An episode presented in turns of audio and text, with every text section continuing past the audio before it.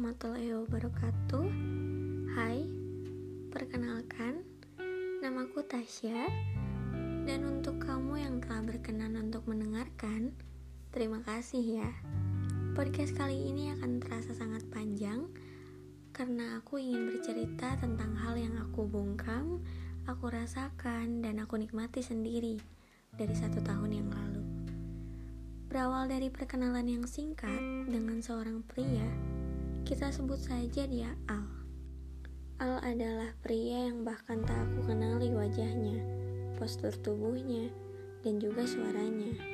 Karena kita hanya berkomunikasi dengan via teks.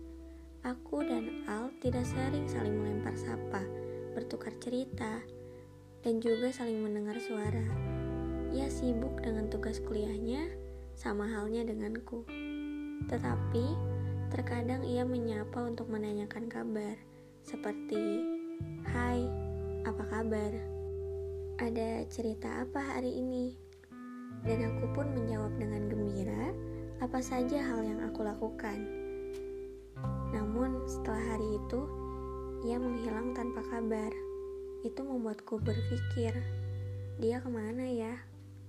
Namun, setelah beberapa hari berlalu, pada pukul 10 pagi, tepatnya saat aku selesai kelas di sesi pertama, handphoneku bergetar. Namun, ini hal biasa. Tetapi saat aku membuka handphoneku, menjadi hal yang tidak biasa. Aku mendapatkan pesan dengan sebuah foto, foto kaki yang berada di bandara, dan sebuah kata-kata. Eh iya, gue mau pamit katanya. Pada saat itu aku kaget, terpikir, kok pamit? Mau ke mana emang? Pada saat itu juga aku langsung menelponnya di kali pertama. Kita cukup lama berbincang di telepon. Ternyata Al dan aku berbeda. Kita berbeda pulau, kita berbeda bahasa, dan juga berbeda dalam bergaul. Tetapi ini sama sekali tak menjadi masalah untukku karena dari perbedaan, kita bisa saling melengkapi dan menemukan hal yang tidak ditemukan. Lalu, ia pulang ke kampung halamannya dengan tetap memberi kabar untukku. Menjadi lebih sering, bahkan menjadi sebuah kebiasaan. Di sini aku belum tahu Al seperti apa, namun aku percaya Al adalah pria yang aku cari, meskipun bukan cinta pertama, ia adalah cinta yang membuatku menemukan hal baru. Setelah satu bulan, akhirnya aku mengenali wajahnya. Ia mempunyai mata yang besar dengan halis yang rapi. Ia mempunyai hidung yang tidak terlalu mancung, senyum yang manis, dan tatapan yang membuatku nyaman. Aku dan Al menjadi lebih sering bertukar cerita, saling melempar tawa dan senyuman. Aku senang karena telah menemukan tawaku meskipun tak terlihat raganya. Semakin hari aku dan Al semakin dekat dan semakin besar rasanya ingin bertemu. Hingga saatnya ia menghilang tanpa kabar, tanpa ada kata pamit pula. Hal ini membuatku bingung. Kenapa? Apa aku membuat kesalahan? Ucapku. Dan beberapa pesanku pun tak ia baca. Lalu, setelah dua hari ia menghilang, ia menelponku dan meminta maaf. Aku tak ia kabari karena ada beberapa hal yang harus ia selesaikan. Lalu kita beralih ke video call dan ternyata ia berada di Bandung. Saat itu aku kaget, senang, dan bingung. Aku memikirkan hal bagaimana jika aku tak sesuai dengan ekspektasinya. Sedih rasanya memikirkan hal ini. Lalu setelah beberapa kali aku berpikir, dan aku memutuskan untuk pergi darinya. Sebelum ia kecewa karena aku tak sesuai ekspektasinya. Aku berpamitan dengan memberinya sekantong makanan berwarna kuning yang berisi surat kecil untuknya. Tapi ternyata tetap aku tahan, tak aku lepaskan, karena aku tidak ingin jauh darinya. Labil bukan? Lalu suatu hari, ia meminta iCloudku untuk ditambahkan menjadi teman di Find Friends aplikasi ini untuk kita saling bertukar lokasi. Di sore harinya, ia memintaku bersiap-siap untuk dijemputnya.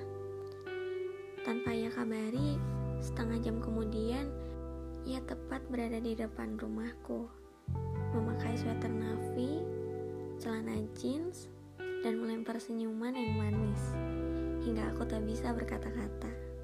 Selama di jalan, aku dan Al hanya diam, dan aku pun berpikir, mungkin apa dugaanku benar tentang aku tak sesuai ekspektasinya. Lalu tak lama, ia mampir ke Indomaret untuk membeli sesuatu. Selama ia ke Indomaret, aku tidak melepaskan helm karena malu setelah itu ia keluar dari pintu Indomaret dengan tersenyum padaku. Lalu kita pergi ke sebuah kafe. Jujur, aku sebenarnya tidak ingin memenuhi kemauannya karena aku tak ingin ia menatapku. Itu hanya membuat maluku bertambah. Namun, setelah kita berbincang, maluku pun hilang. Maluku terganti dengan rasa nyaman. Lalu, pada hari ini tanggal 14 Agustus, di hari pertama kita bertemu, setelah tiga bulan kita saling bertukar kabar, bertukar cerita, bertukar tawa, dan saling melempar senyuman, ia, pria bernama Al, memintaku untuk menjadi pacarnya. Hal ini adalah realita yang jauh dari ekspektasiku. Aku bahagia malam ini aku memacari seorang pria yang aku inginkan. Kebahagiaanku tak sampai sini. Bahagiaku berkelanjutan. Hingga akhirnya hujan, badai, dan petir pun turun. Ada beberapa hal yang tak aku sukai dari Al, begitupun ia padaku. Aku dan Al mencoba bertahan dari persepsi kita yang berbeda. Namun pada akhirnya kita menjadi saling ego, saling tidak mendengarkan, dan tidak saling peduli.